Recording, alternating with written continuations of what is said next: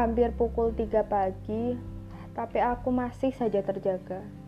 Gara-gara rapat yang sejak tadi tidak menemukan titik temu. Selain badanku yang mulai pegal, aku juga bosan setengah mati.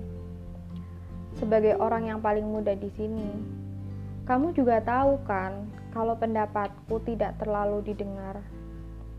Selain karena pengalamanku yang sedikit, tapi juga omonganku yang mulai ngawur kalau sudah larut malam.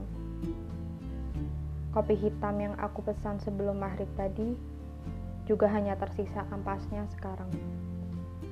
Sementara itu, kamu yang kuharapkan ada untuk sekedar mengobrol ringan, malah entah pergi ke mana.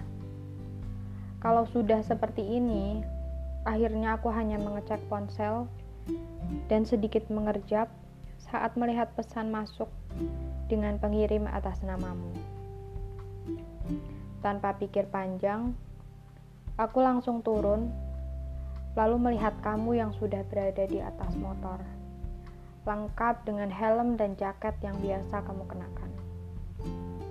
Tanganmu terulur untuk menarik lenganku dan memakaikan helm tanpa mengucapkan kalimat apa pun. Berikutnya, kalian pasti sudah tahu kalau inti dari cerita ini adalah dia mengajakku kabur saat rapat membosankan sedang berlangsung. Ide gila kesekian kali yang membuatku tersenyum sendiri kali ini.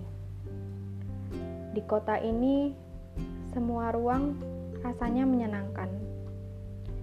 Bahkan meskipun kamu hanya mengajakku duduk di alun-alun utara, beralaskan tanah yang masih basah. Tapi kamu ternyata membawaku untuk melihat matahari dengan cara yang berbeda. Bersama puluhan orang dan jaket levis biru pudar yang baru-baru saja kamu sambilkan di pundakku. Langit pagi yang tadinya pekat berubah menjadi warna gradiasi yang kusukai. Terima kasih, kataku pelan saat tanganmu terulur untuk mengusap rambutku seperti biasanya. Langit pagi ternyata juga indah. Terima kasih telah memantuku untuk menyadarinya. thank you